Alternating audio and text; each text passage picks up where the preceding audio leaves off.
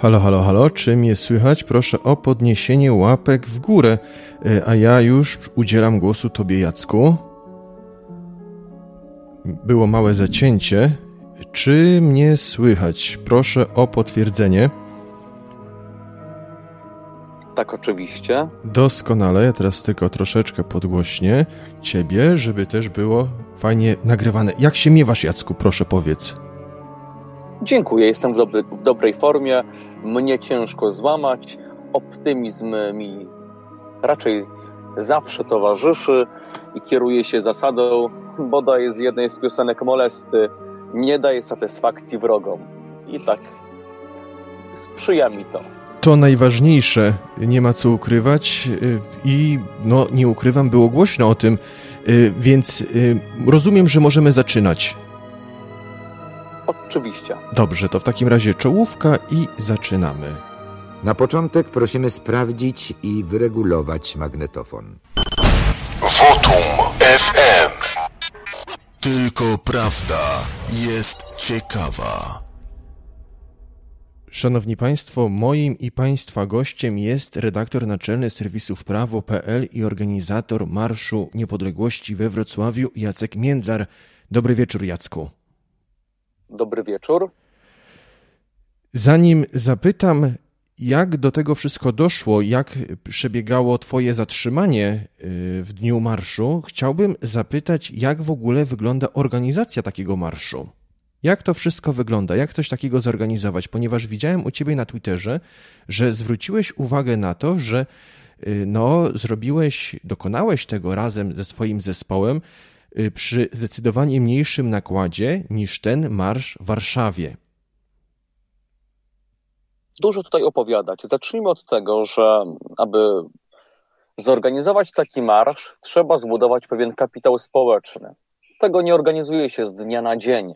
Trzeba mieć pewne zaufanie w grupach społecznych we Wrocławiu i w innych miastach, aby taki marsz o dużej frekwencji z powodzeniem zbudować.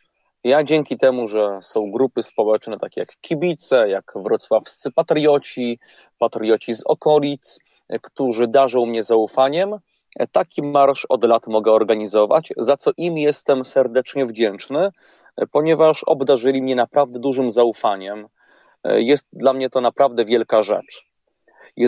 Jeżeli zaś chodzi o kwestie finansowe, które redaktor Łukasz tutaj poruszył, sprawa wygląda następująco. Przez lata organizowaliśmy wszystko na z własnych pieniędzy, z prywatnych pieniędzy opłacaliśmy. W tym roku poprosiliśmy zaledwie o 1700 zł na takie podstawowe rzeczy, jak pochodnie, jak biało-czerwona flaga 30-metrowa, jak e, opłaty na benzynę dla tych, którzy nam samochody użyczają i takie podstawowe sprawy właśnie związane z marszem zaledwie 1700 zł i taką kwotę zebraliśmy w zaledwie kilka godzin. Zaś Marsz Niepodległości w Warszawie co roku zbiera kwotę w wysokości pół miliona złotych. Zatem łatwo sobie przeliczyć, że nawet uwzględniając inflację, gdybyśmy pół miliona złotych uzyskali i właściwie te pieniądze zainwestowali, to pieniądze na marsze Polaków we Wrocławiu miałyby cztery, ale, a nawet pięć następnych pokoleń organizatorów. Zatem kwoty wykorzystywane do organizacji marszu i pewnie okołomarszowych jakichś imprez y, w Warszawie to są zawrotne kwoty, które nawet nam we Wrocławiu się po prostu nie śnią.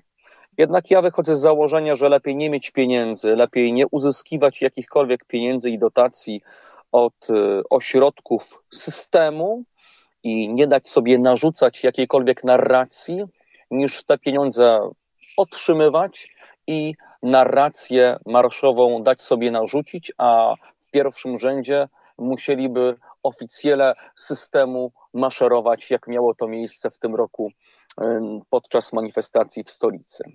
Jeżeli zaś chodzi o takie poprzedzające tygodnie marszu, to zwłaszcza cztery tygodnie poprzedzające 11 listopada tegoż roku i każdego innego roku, To są intensywne przygotowania związane z, z organizacją wyposażenia technicznego, samochodów, spotkania organizacyjne z tymi osobami, które mi pomagają. Jest to Robert Piskorski, jest Stasiu Bernaś, jest wiele innych osób, czy to kibice, czy moi bliscy przyjaciele. No, no i tak to wygląda, że po prostu ja wskazuję na to, co kto będzie robił w trakcie marszu i przed marszem, co trzeba przygotować, jak zorganizować, jak ten marsz poprowadzić 11 listopada. Jestem przekonany, że bezpieka, milicja, tudzież jakikolwiek inny wywiad ma wiedzę, iż tak organizacja marszu we Wrocławiu wygląda. Stąd zatrzymanie mnie na 4 godziny przed marszem, nawet niecałe 4 godziny, bo tak 4 godziny przed marszem, przepraszam, bo o 12.40 11 listopada miało na celu wprowadzenie dezorganizacji, a nawet doprowadzenie do jakichś zamieszek, które z pewnością byłyby wykorzystywane przez system do tego tylko, by zohydzić w społeczeństwie e, niesystemowy, antysystemowy marsz Polaków we Wrocławiu. Jak wyglądało Twoje zatrzymanie? Bo mówisz 4 godziny przed. Y, myśleli, że Twoje zatrzymanie rozłoży marsz? No bo jak to w ogóle, czy byłeś zabezpieczony też, tak, taka seria pytań, y, czy byłeś też zabezpieczony w przypadku tego, że ktoś przejmie po tobie tę pałeczkę, że marsz i tak się odbędzie? Jak to wszystko wyglądało, bo to na pewno działo się bardzo szybko. Byłem poniekąd ja prywatnie do tego przygotowany, inaczej, brałem to pod uwagę, jednak gdzieś nie do końca do mnie to docierało. E, Robert i pozostałe osoby absolutnie wypierały e, taką ewentualność, jednak ja od kilku dni przed 11 listopada wskazywałem: słuchajcie, musimy mieć plan B. A gdyby tak mnie zatrzymano, a gdyby tak mnie posadzono na dołek, a gdyby tak coś się wydarzyło i się rozchoruje i ja nie będę mógł marszu poprowadzić, to musicie mieć pewną, choćby taką ogólną wiedzę o tych kwestiach technicznych, organizacyjnych, ta wiedza jest mi oczywiście znana i tak naprawdę specjalnie nad tym nie myślę, jak marsz prowadzi, bo robię to dość e, automatycznie, rutynowo, naturalnie, ale te informacje przekazałem zwłaszcza Robertowi.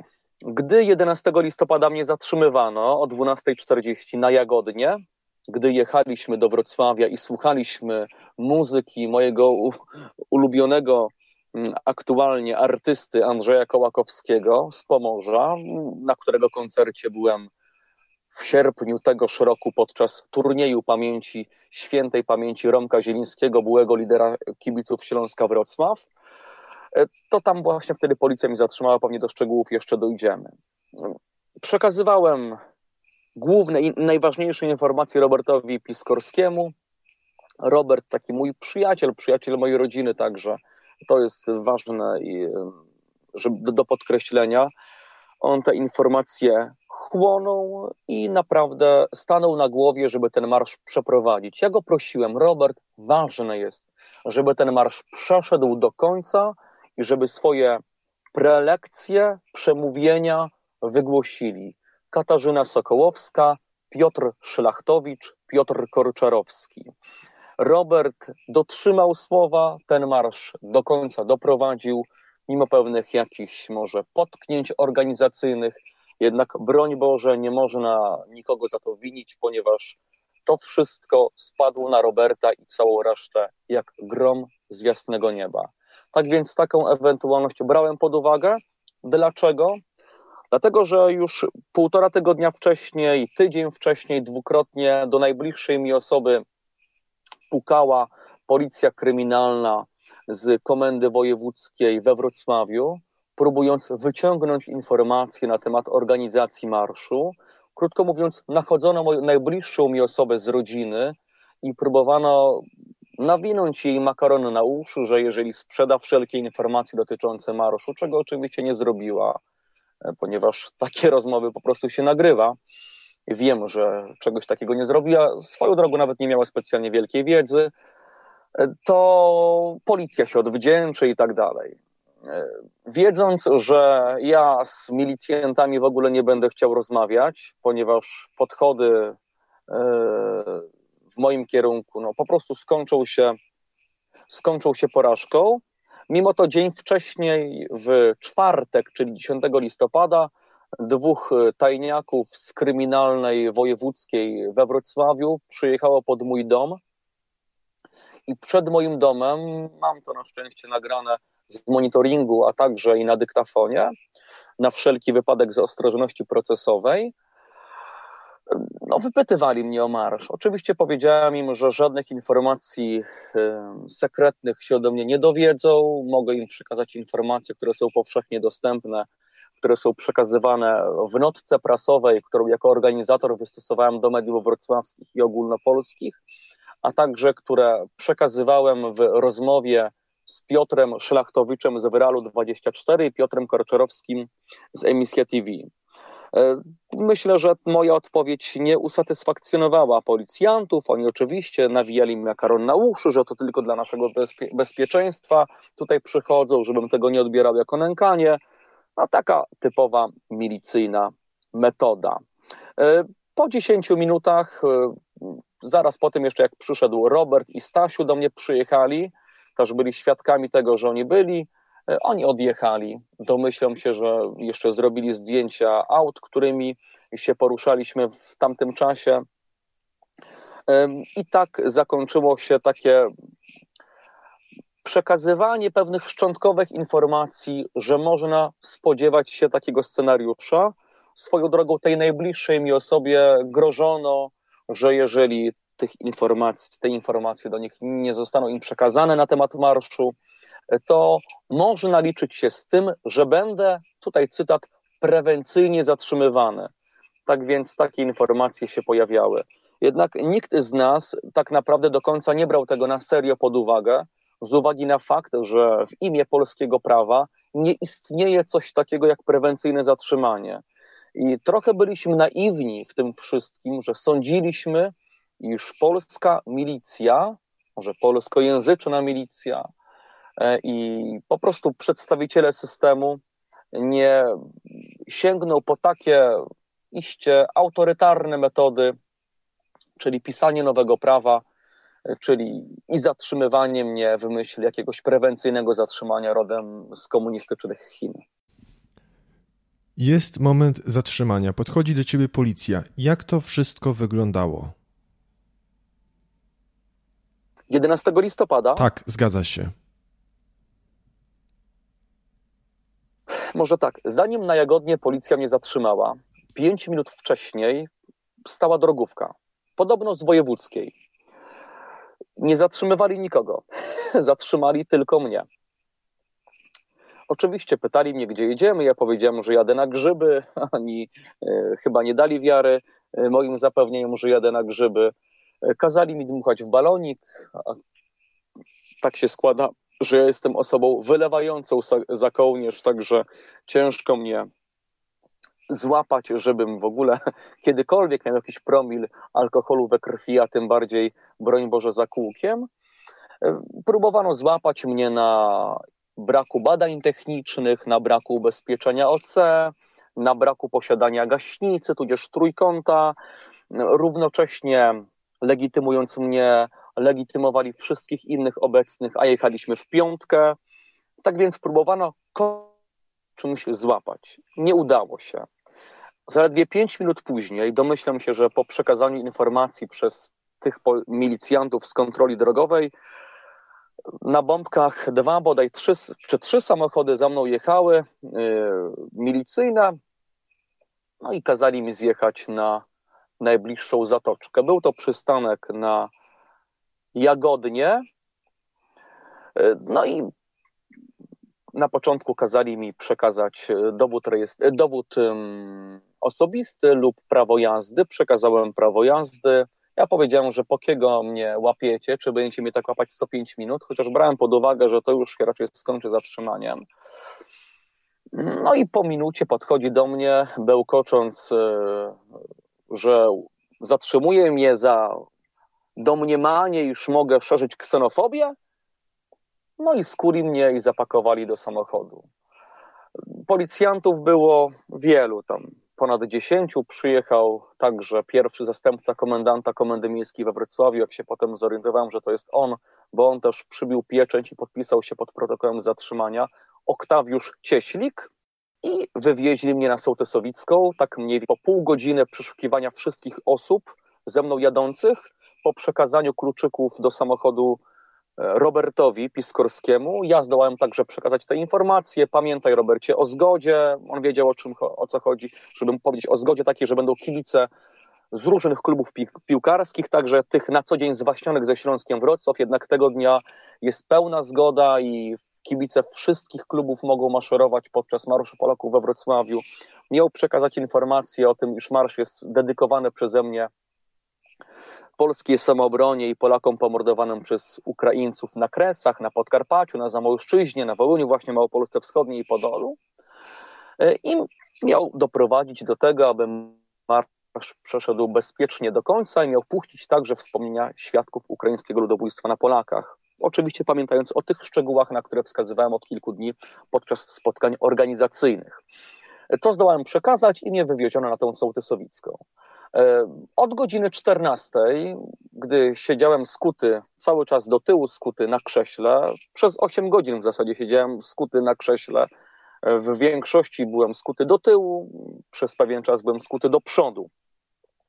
O godzinie 14 poprosiłem, by policjant, e, bodaj Żukowski lub Żakowski, starszy sztabowy bodaj, podał mi w końcu przyczynę mojego zatrzymania. No on oczywiście mówił, że to jest artykuł ten 13 czy 15 e, ustawy o policji. Akurat ja nie jestem w ciemię bity i powiedziałem jasno, że niech pan mi tutaj bredni żadnych nie opowiada, bo ten artykuł działa, ale w związku z jakimś artykułem kodeksu karnego lub kodeksu wykroczeń. Tymczasem na chwilę obecną żaden artykuł KW lub KK nie został mi przedstawiony. No to po 10-15 minutach rozmowy ten policjant poszedł na kolejne 15-20 minut do komendanta lub e, rozmawiał przez telefon e, i tam podyktowano mu to, co Państwo widzieliście na Twitterze, na portalu wprawo.pl czy na Facebooku, że jestem zatrzymywany w imię domniemania, iż mogę wygłaszać mowę nienawiści na marszu i być zagrożeniem dla mienia i zdrowia, e, nie przedstawiającym jakichkolwiek podstaw, konkretnych faktów. E, I tak około godziny 14.30-40 dowiedziałem się, jakie są, są przesłanki, i przez następną godzinę prosiłem, by umożliwiono mi kontakt z adwokatem. E, dopiero o godzinie 16 skontaktowałem się z mecenasem Jarosławem Litwinem z Oławy i o godzinie 20 mecenas Jarosław Litwin do mnie podjechał, o 20.20 mnie zwolniono.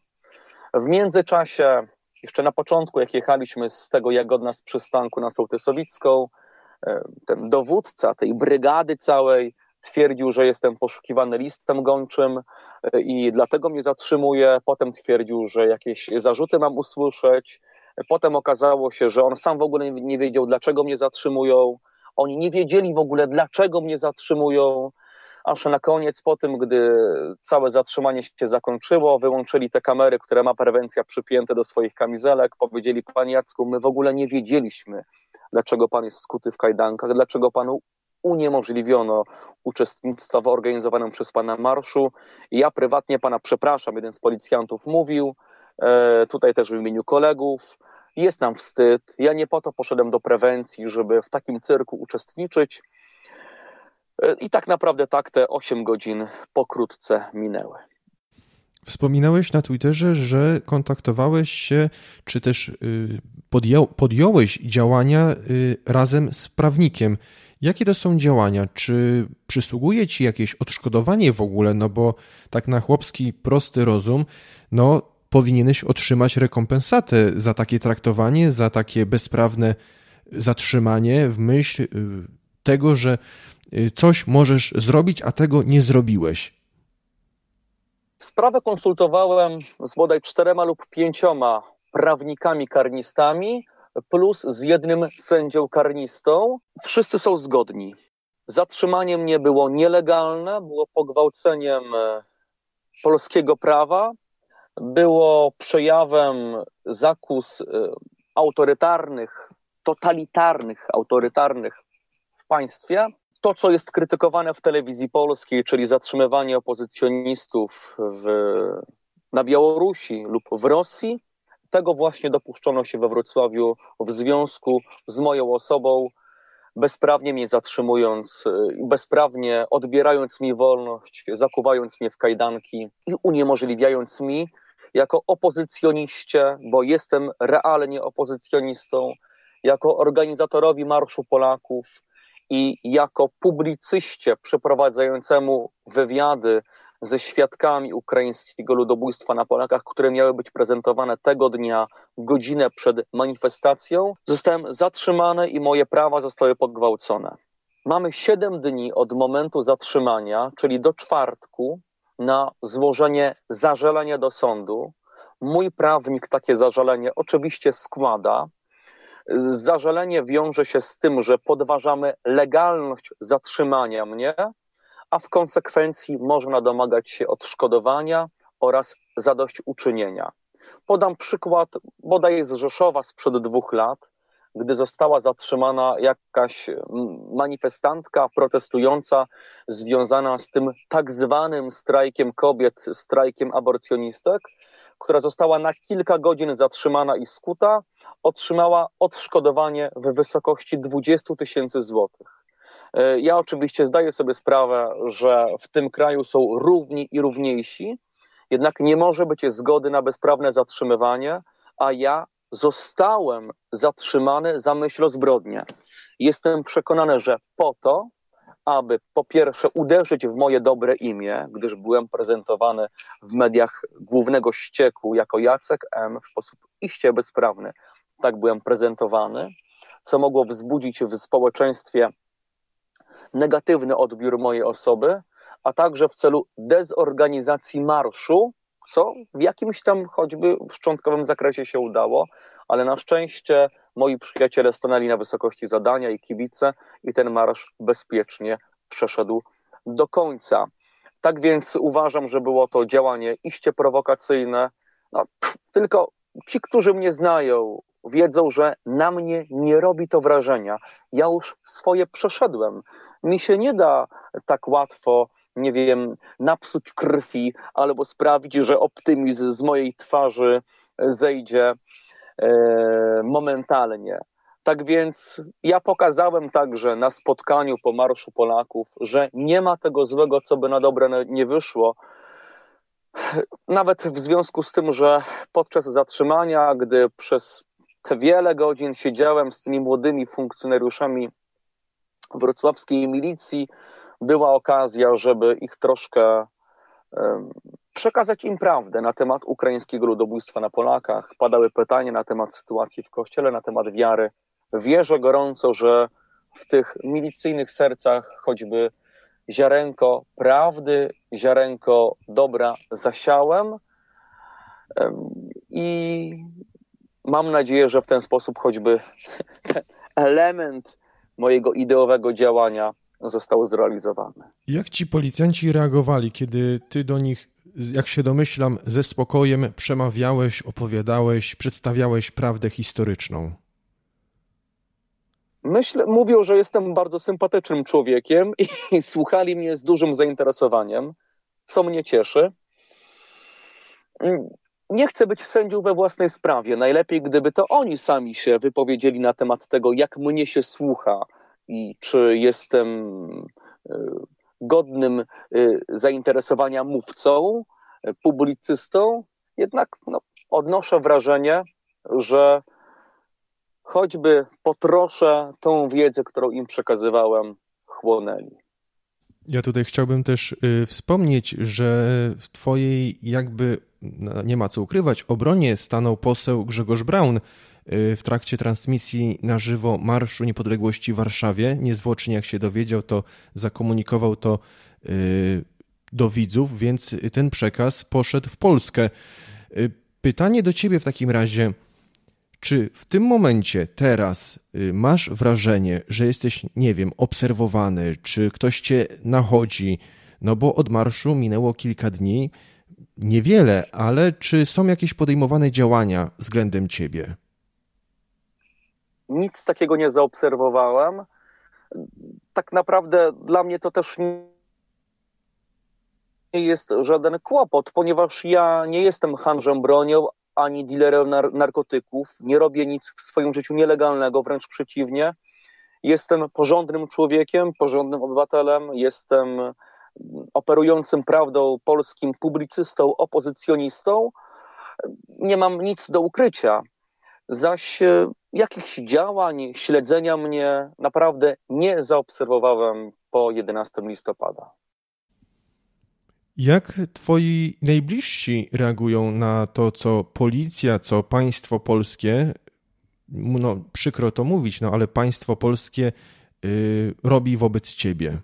Bo to jest ciężar, myślę, takie no, duże wyzwanie dla twoich najbliższych, przyjaciół, znajomych, rodziny. Ja myślę, że dla nich najważniejsze jest to, że ja jestem silny, mam grubą skórę i cały czas jestem optymistą, i mimo rzucanych kłód pod nogi, cały czas idę w jednym konkretnym, propolskim obranym kierunku, że nie idę na żadne układy, że nie wącham się z systemem, że jestem osobą niezależną, nie daję się podłamać, mimo tych prokuratorsko-sądowych i milicyjnych skandali, których nieustannie doświadczam w związku z tymi postępowaniami, zwłaszcza we Wrocławiu. To jest dla nich najbardziej pocieszające i tutaj rzeczywiście tak to chyba jest, że dobra energia na najbliższych jest przelewana, przelewa się i oni chyba e, czerpią z tego garściami, co mnie bardzo cieszy. Oczywiście nie da się ukryć, że są zbulwersowani tymi działaniami, że niejedno niecezuralne słowo padło w związku z tym zatrzymaniem i w związku z tym, czego doświadczam. Nie jeden telefon otrzymałem, także od tych, któr, od których dzielą mnie kilometry. No i wszyscy są zgodni, że to, co uczyniono, to było istne bezprawie. Tylko chyba dla Państwa, którzy nas teraz słuchacie, jest to rzecz oczywista. Wymieniłeś nazwisko Oktawiusza Cieślika, personalia.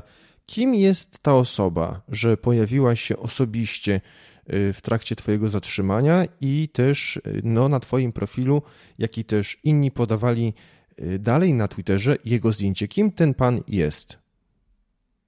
Pierwszy zastępca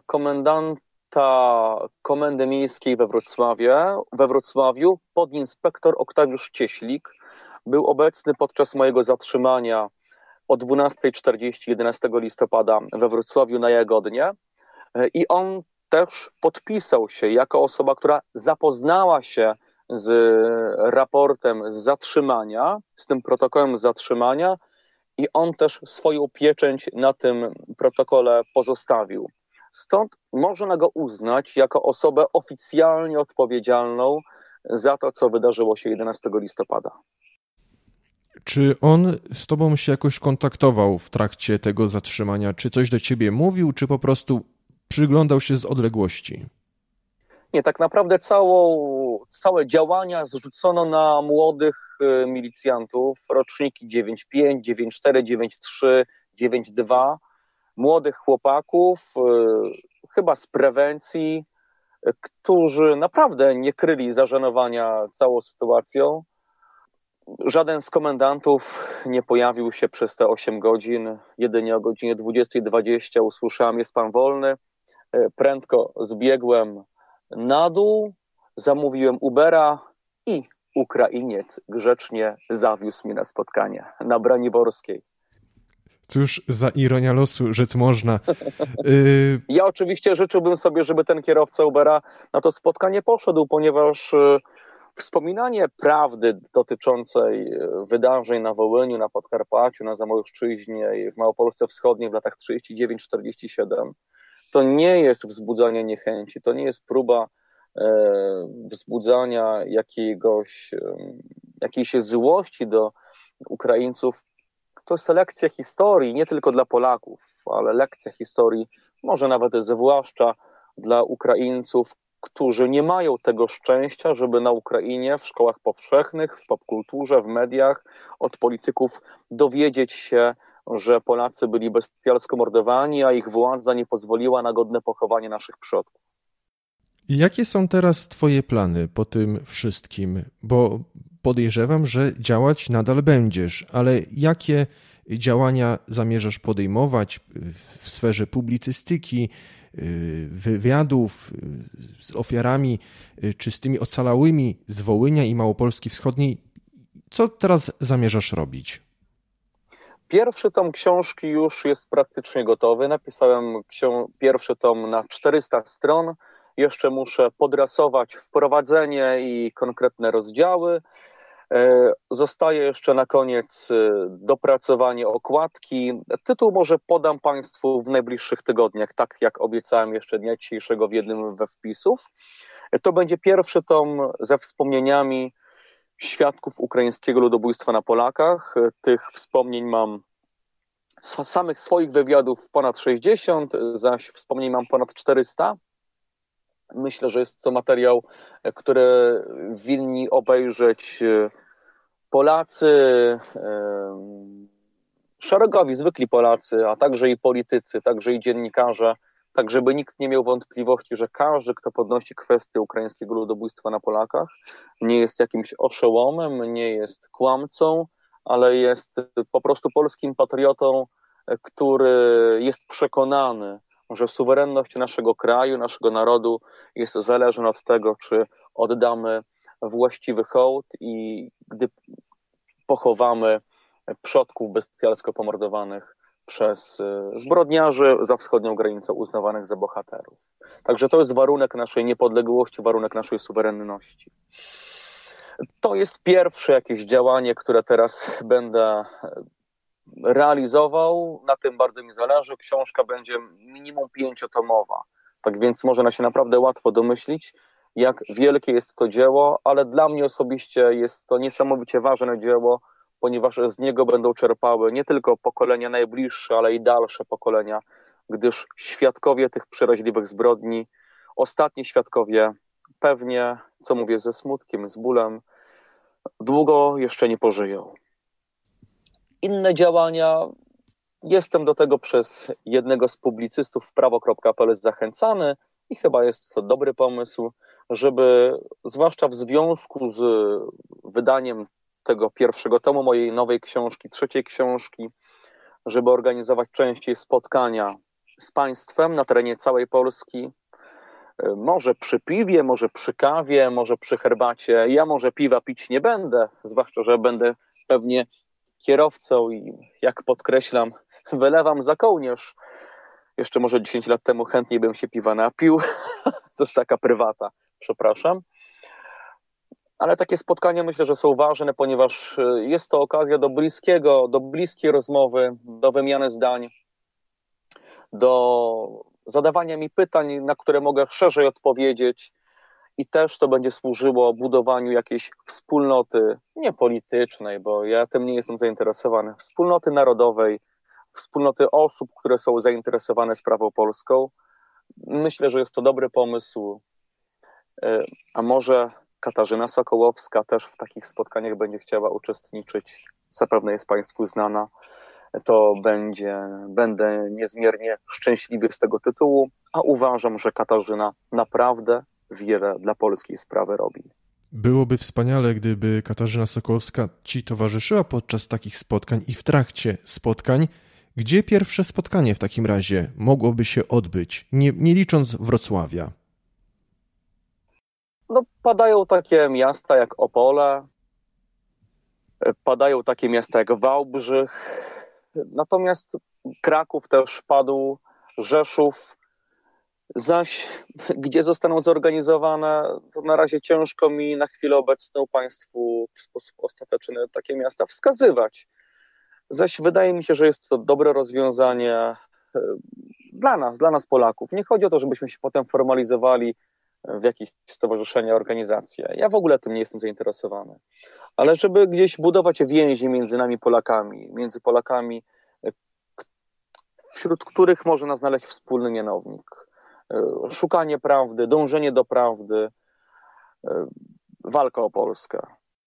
Brak formalizacji na pewno będzie na waszą rękę, ponieważ no, trudniej będzie was zinflirtować i jeszcze w dodatku no, jakoś na was oddziaływać. Bo jak teraz można zobaczyć, działania policji to jest jak walenie taranem, tak? Nie można was rozbić w żaden sposób. Marsz się odbył, wszystko zostało no, zrealizowane zgodnie z planem, pomimo takich okoliczności dosyć bulwersujących. Ostatnio wspominałeś podczas naszej rozmowy, że y, nie ma żadnych problemów, że ludzie, których spotykasz, no, podchodzą do ciebie tak z sympatią, że nie atakują cię, że to tylko w mediach, tak w internecie jesteś atakowany, robią z ciebie, można powiedzieć, potwora. Y, tu teraz mówisz, że jest książka już niemal gotowa, pierwszy tom. Pytanie, czy obawiasz się jakichś problemów y, z wydaniem takiej książki, chociażby z drukarnią, tak, która musi wydrukować tę książkę, złożyć i później rozprowadzić ewentualnie, no bo służby nie śpią i czy jakieś problemy już do tej pory się pojawiały, chociażby przy organizacji Marszu Niepodległości we Wrocławiu, no bo wiadomo, wy jesteście zgraną paczką, zgraną grupą, która ma jasno określone cele, ale osoby, usługodawcy, którzy, z których usług korzystacie, no już y, takimi osobami być nie muszą i być może łatwiej ich milicji, policji przekonać. Na początek, jeżeli chodzi w związku z marszem. W związku z marszem Piotr Szelachtowicz próbował zorganizować spotkanie w licznych y, pubach, y, lokalach 11 listopada. E, tak naprawdę dopiero na Braniborskiej w Saloniku, w pubie Salonik Smaku udało się takie spotkanie zorganizować. Niech to będzie dowód na to, że mm, ci usługodawcy nie są specjalnie chętni e, z uwagi, z obawy, że zostanie ich lokal zniszczony przez środowiska lewicowe, zdewastowany, podpalony, z czym policja nie ma zamiaru się, z czym policja wrocławska nie ma zamiaru walczyć. Mówię to w oparciu o wydarzenie z 18 roku, gdy zagrożono właścicielowi klubu pieśniarze spalenie lokalu, jeżeli tam odbędzie się spotkanie autorskie ze mną. Ten to zgłosił na policję. Policja nic z tym nie zrobiła i tych, którzy grozili zniszczeniem, zdewastowaniem tego miejsca spotkania, w żaden sposób nie pociągnęli ich do odpowiedzialności. Takie jest moje doświadczenie. Jeżeli zaś chodzi o wydawanie książek, te kwestie wydawnicze, które tutaj Łukaszu wymieniłeś, to są obowiązki, które ciążą na mnie jako, e, jako osobie odpowiedzialnej za wydawanie książek w ramach wydawnictwa w prawo.pl.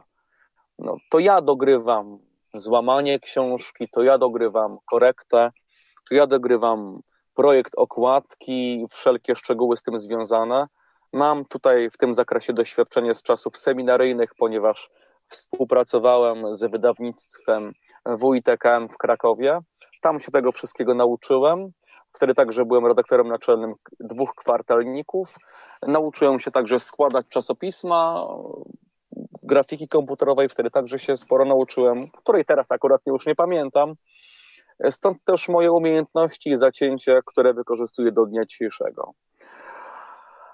Zatem tak naprawdę z tym kłopotów nie mam, zwłaszcza jeżeli mam przyjaciół w tej branży pracujących i którzy chętnie się tych zadań podejmują, jeżeli takie zadania zlecam. Podobnie jest z drukarnią, no, tylko że na to wszystko trzeba było sobie zapracować, zbudować dobre kontakty. Los tak chciał, że w czasie seminarium nauczyłem się tej pracy wydawniczej, no i to wykorzystuję. Gdybym tego nie potrafił, to bym pewnie pracował w zupełnie e, innym segmencie zawodowym, sektorze zawodowym niż w tym, w którym pracuję teraz. Wcześniej wydawałeś książki. Jeżeli, ja, czy, kiedy skończę pytanie, też proszę powiedz, gdzie Twoje książki można kupić y, i y, no tak, gdzie można kupić Twoje książki. Wcześniej wydawałeś książki I czy były takie sytuacje, że ktoś przychodzi, dajmy na to, do drukarni czy do osoby, która zajmuje się czymś, co jest związane z Twoją książką i mówi: Proszę się tym nie zajmować, bo będą kłopoty. Nie wie pan z kim, czy pani z kim współpracuje. Ten pan Jacek Międlar jest podejrzany, proszę z nim nie, nie, współpracować. Czy takie głosy były? No bo skoro policja nachodzi twoich najbliższych przed marszem, no czy były takie rzeczy y, wcześniej? Czy rzucano ci kłody pod nogi? Nigdy z tym się nie spotkałem, ponieważ ci, którzy byli związani, zaangażowani czy w jakieś prace związane z wydaniem książki, z wydrukowaniem książki, to zazwyczaj byli ludzie, z którymi znałem się wcześniej, którzy mnie znali wcześniej, którzy mają jakieś e, doświadczenie z życia kibicowskiego, osiedlowego.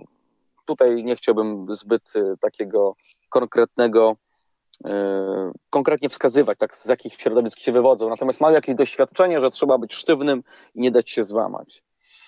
Raz miałem takie, taki przypadek jeszcze w roku 2017, gdy zleciłem jednej z firm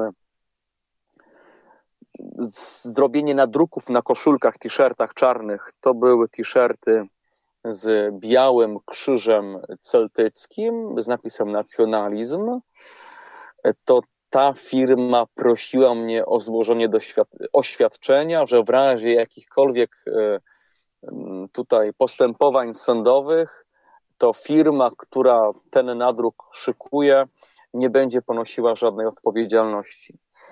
A tak to się nigdy nie spotkałem z żadnymi nieprzyjemnościami. Moje książki, moja walka o prawdę oraz Polska w cieniu żydostwa, wielcy Polacy o Żydach są dostępne na sklep myślnik wprawo.pl tam można zakupić książki z moim autografem lub dedykacją dla konkretnej osoby, którą Państwo wybierzecie. E, zaś zamówienie zagraniczne na kontakt małpa sklep myślnik wprawo.pl. Na tym sklepie także znajdziecie Państwo odzież patriotyczną, szaliki e, oraz książki innych autorów, w tym Katarzyny Treter-Sierpińskiej, której książki są wydawane nakładem wydawnictwa wprawo.pl, no i która jest autorką, publicystką z portalu prawo.pl. Czy można Cię jakoś wesprzeć w Twoich działaniach, chociażby finansowo? Można. Ja staram się jak najrzadziej o tym mówić, ponieważ czuję pewien dyskomfort, gdy proszę Państwa o jakieś wsparcie finansowe, ale można wesprzeć na zbieram.pl/prawo.pl jest taka zbiórka na utrzymanie całego portalu, opłacanie za teksty, za serwer, za domeny, także za istnienie, na istnienie sklepu też, bo ten hosting cały jest naprawdę dość drogi mm, w skali roku. Można subskrybować aplikację wprawo.tv, wprawo TV, która jest dostępna na Google Play albo App Store subskrypcja kosztuje zaledwie 5 zł, jednak no, ten dochód to głównie jest w 100% praktycznie przeznaczony na utrzymanie serwera. Tam są wszystkie pełne wywiady ze świadkami ukraińskiego ludobójstwa na Polakach. Przypominam, aplikacja w prawo TV, subskrypcja miesięczna to jest niecałe 5 zł. No, można wspierać mnie finansowo jak najbardziej, zwłaszcza na pomoc prawną. Na przykład teraz na złożenie tego zażalenia na zatrzymanie. Ktoś powie, panie Jacku, ale wzór pan może sobie zażalenia ściągnąć z internetu. No, wzór apelacji także mogę z internetu złożyć, ściągnąć i, i taką apelację złożyć.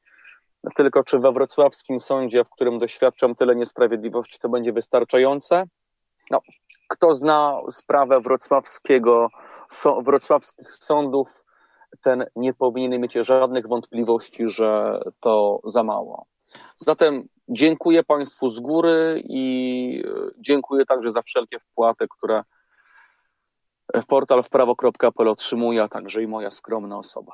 Ja się dołączam do, tych, do tej zachęty, do tej prośby i zachęcam szczerze Państwa, aby wchodzić na wprawo.pl i y, wspierać finansowo y, Jacka.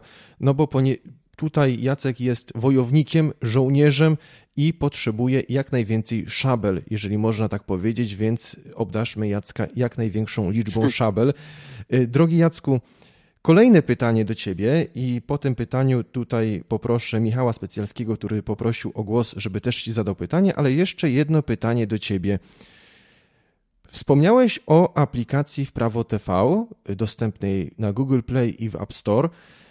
Czy, że tam są dostępne wszystkie wywiady z, z ocalałymi z Wołynia i Małopolski Wschodniej? Czy nadal przeprowadzasz te wywiady? Czy to jest projekt nadal rozwijający się? Jak to wygląda od zaplecza? Bo ostatnio Cię o tym pytałem, ale Państwo być może y, wtedy naszej rozmowy nie słuchali, nie słuchali później na Spotify. Przypominam, że można nas słuchać później na Spotify. Jutro rano już y, rozmowa będzie dostępna, także jesteśmy na YouTubie, Votum FM. Wystarczy wpisać wyszukiwarkę. Więc konkludując, jak to wszystko wygląda obecnie? Czy przeprowadzasz te wywiady? Y, czy jeździsz po Polsce? Tak, podziel się y, kuluarami.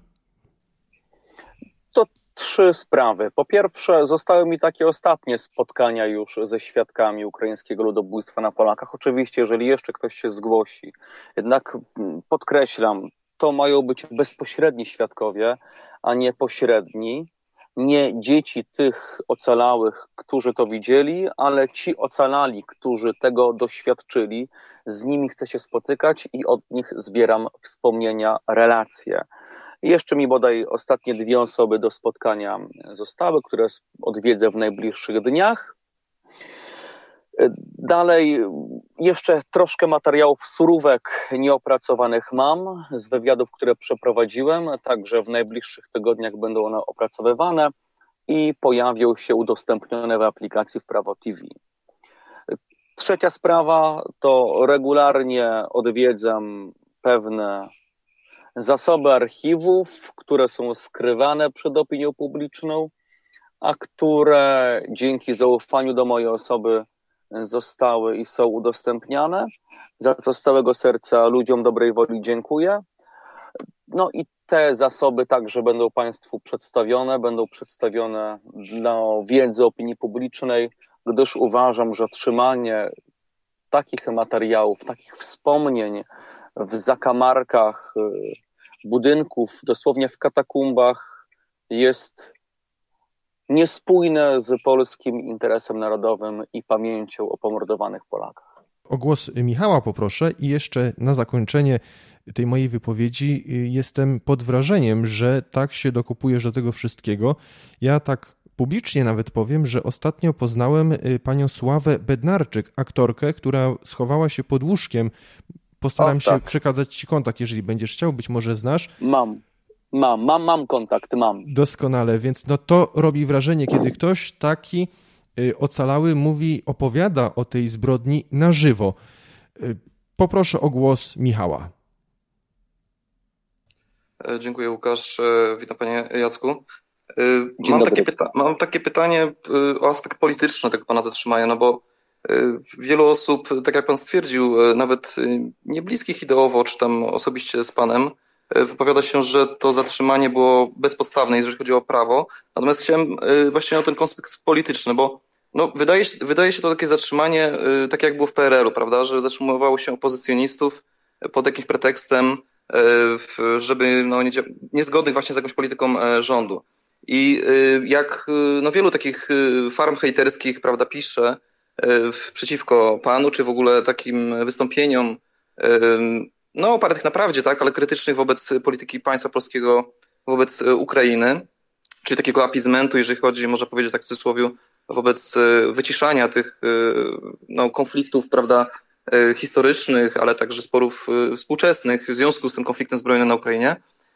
Czy pan dostrzega, czy ma, może, może dostrzega, ale czy ma też dowody na to, że był to po prostu, że tak powiem, taki prikaz z góry z MSWiA, po jakiejś drabinie e, no, kontaktów policyjnych, prawda, przez woje, komendanta wojewódzkiego, który kazał komendatu miejskiemu, e, no a tak naprawdę na górze to zdecydowało Ministerstwo Spraw Wewnętrznych, no, które właśnie widzieliśmy przecież Ministra Spraw Wewnętrznych 5 maja z tak zwanym, jak to nazywam,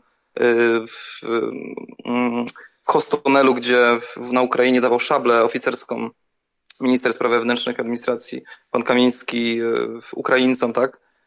I no widać, że polityka po prostu MSW i Polski jest jednoznaczna w tym zakresie, czyli czy widzi pan ten aspekt polityczny?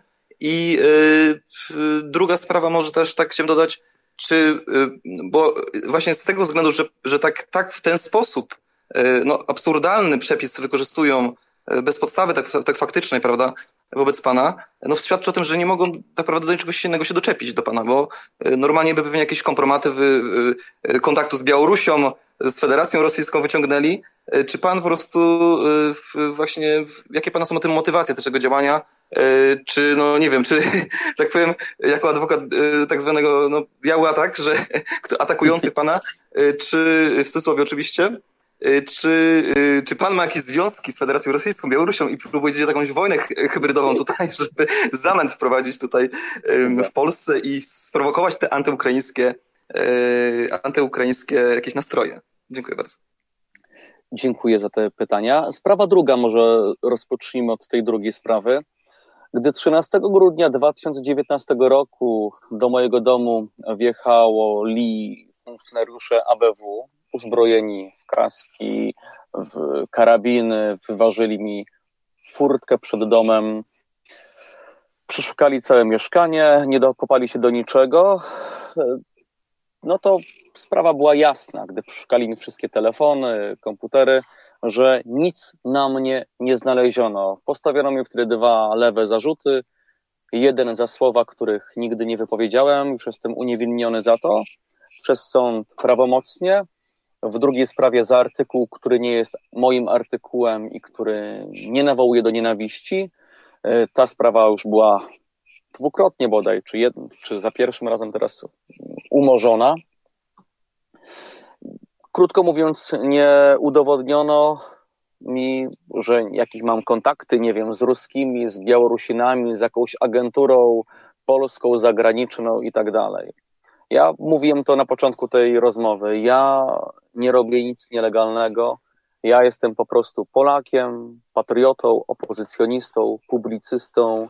Ja piszę książki, ja organizuję marsze i ja nie czerpię z tego żadnych korzyści i nie wącham się z jakimkolwiek systemem polskim, tudzież zagranicznym.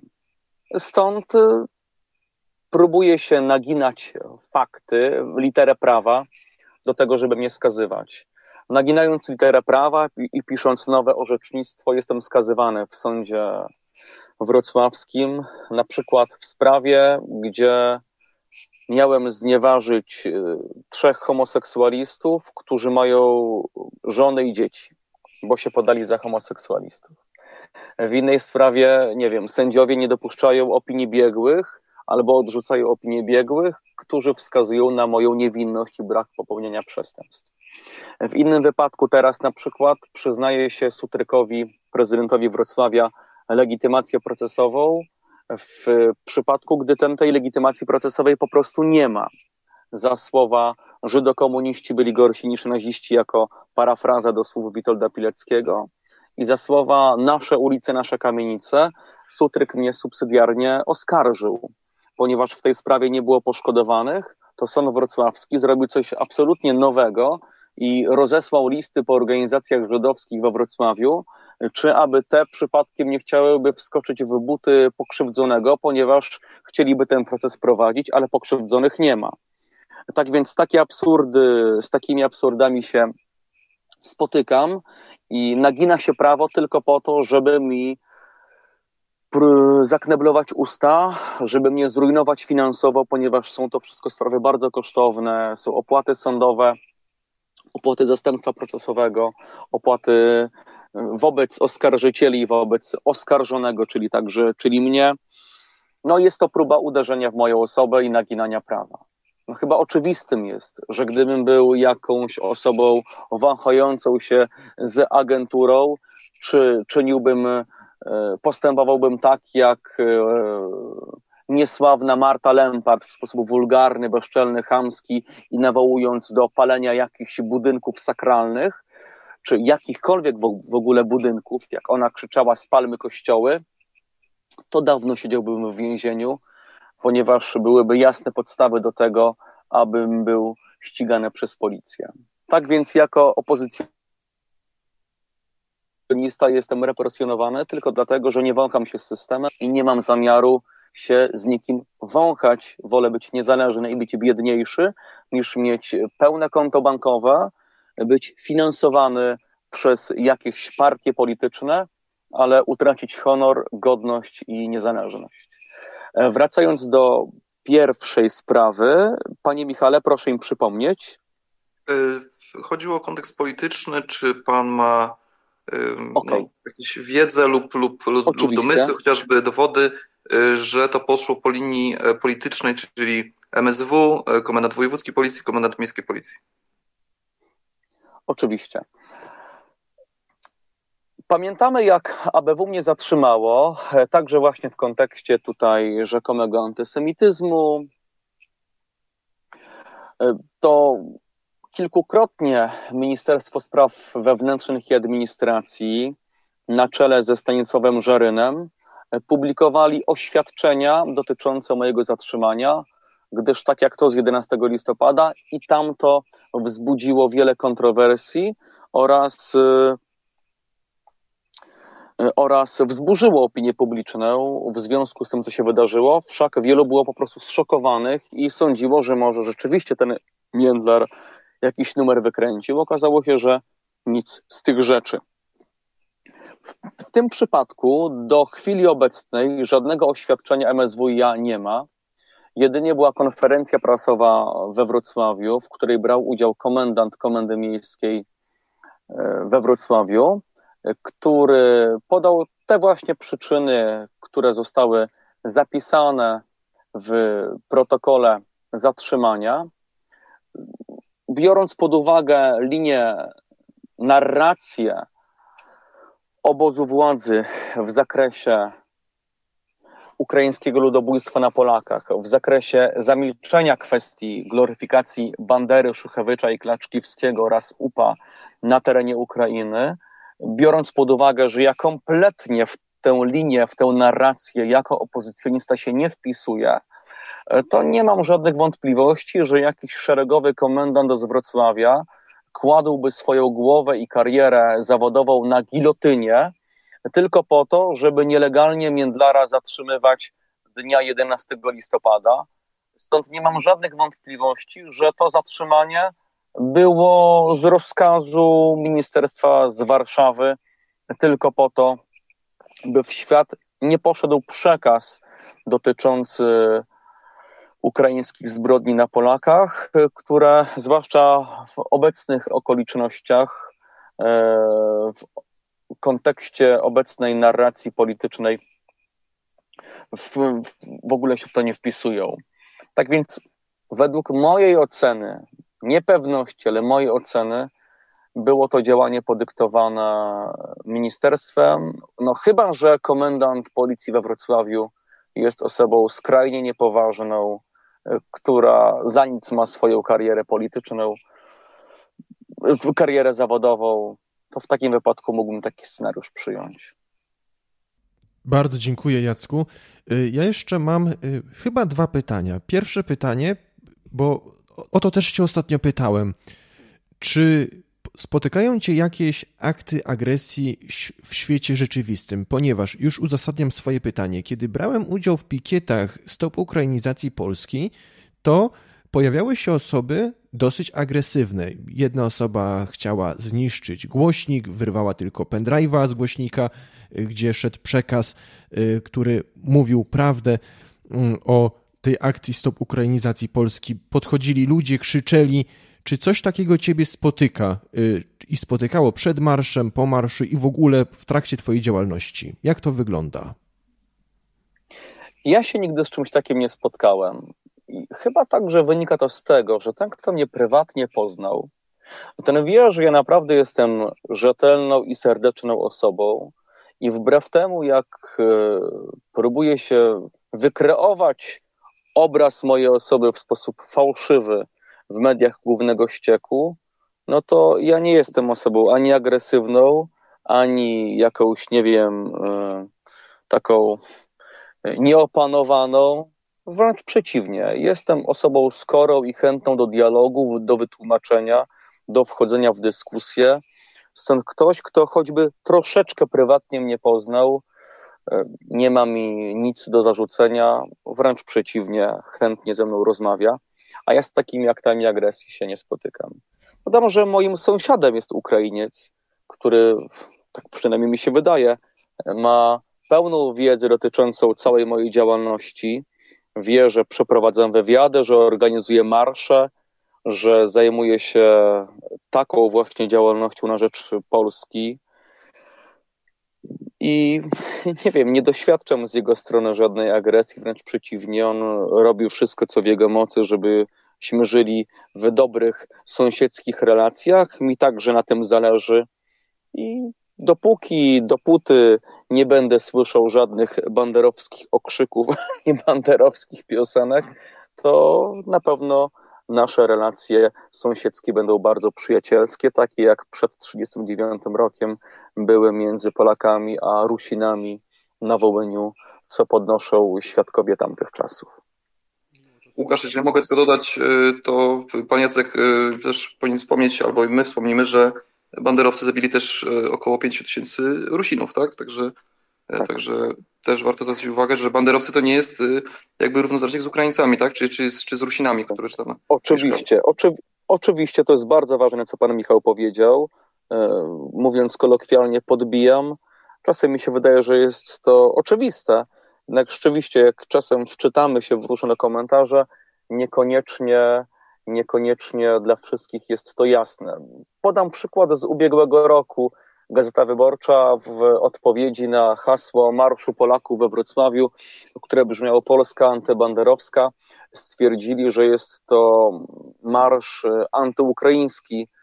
Uważam, że Gazeta Wyborcza po raz kolejny znieważyła tych Ukraińców, którzy nie utożsamiają się z banderyzmem, a są tacy, mimo iż głosami większości Rady Najwyższej Ukrainy przegłosowano uchwałę upamiętniającą ukraińską powstańczą armię, no, armię banderowską, mówiąc, e, mówiąc tym e, takim określeniem bardzo szerokim, armię banderowską, ludobójczą, formację bandycką, no to mimo wszystko część społeczeństwa ukraińskiego, na szczęście, zwłaszcza ci ze wschodu, oni nie identyfikują się z tymi zbrodniami, z tą ideologią, Zaś podnieść należy, że niestety Kijów tożsamość narodową państwa ukraińskiego buduje na tej przeszłości, buduje na tych dokonaniach zbrodniczych, które próbują zespolić z aktami bohaterskimi.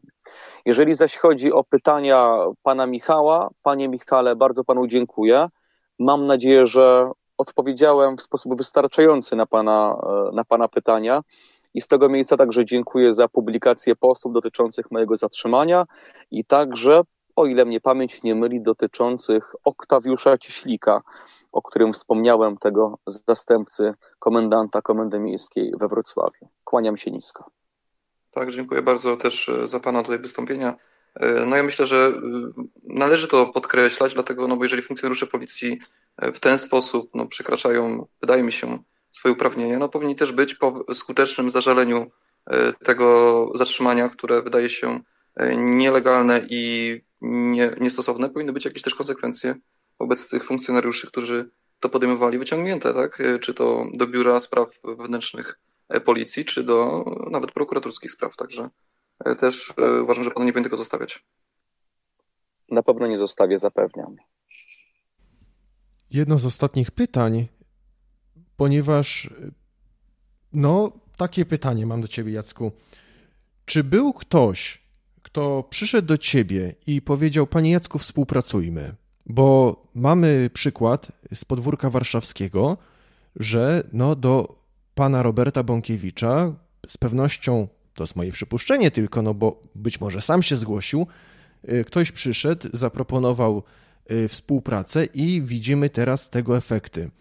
Czy ktoś Tobie proponował, Jacku, taką współpracę, y, że tutaj wykładamy pieniądze na stół, proszę z nami współpracować, co wiemy doskonale byłoby równoznaczne z przejęciem Twoich inicjatyw. Czy takie propozycje były, czy były podchody w tym temacie? Może dokładnie tak to nie wyglądało.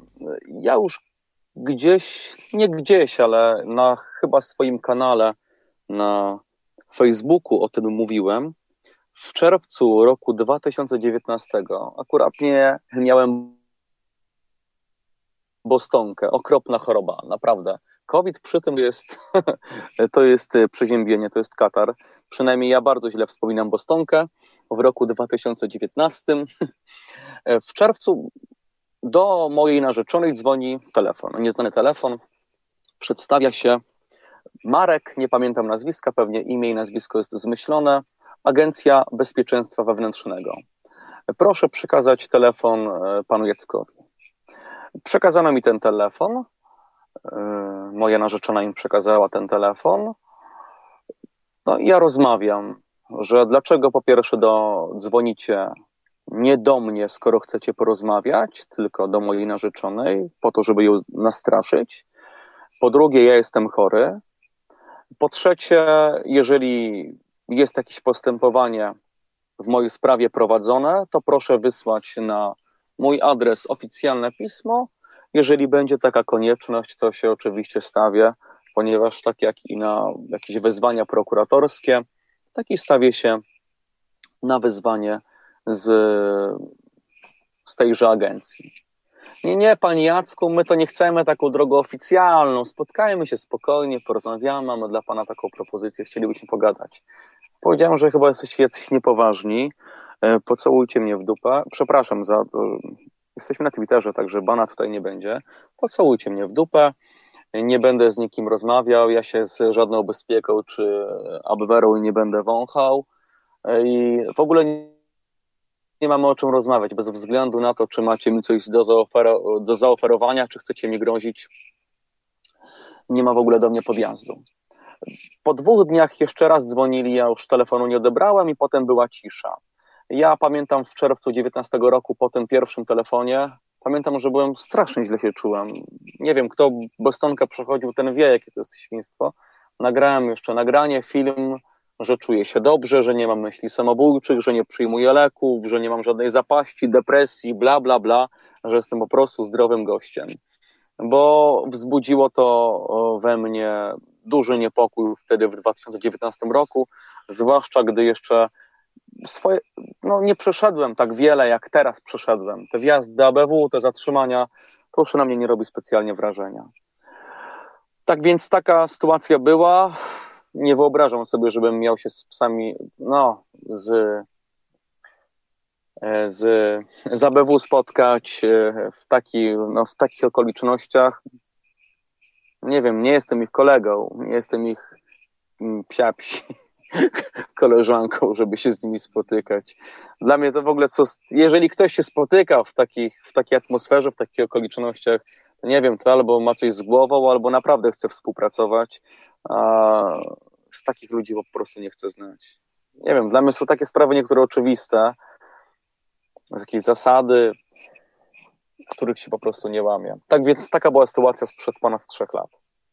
Moje uznanie, że nie uległeś nawet y, w sprawie spotkania, y, bo to wymaga niewątpliwie hartu ducha.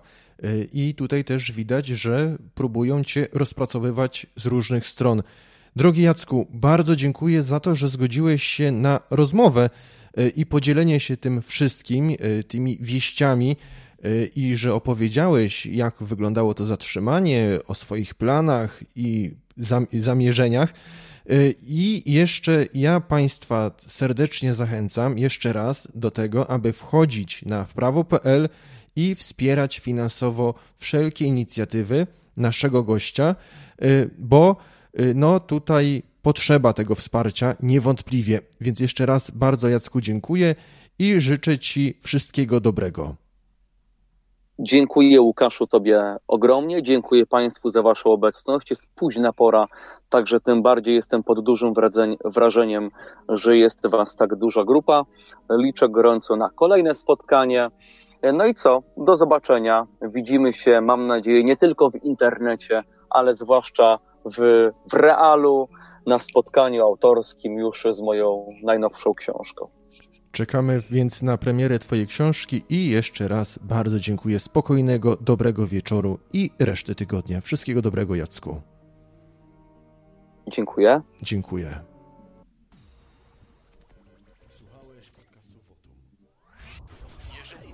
Przegapić kolejnego wywiadu, obserwuj nas na Spotify lub na innych platformach podcastowych. Polub nasz fanpage na Facebooku. Subskrybuj kanał Wotum na YouTubie. Nie zapomnij również skomentować i dać łapki w górę. Wszystkie linki znajdziesz w opisie.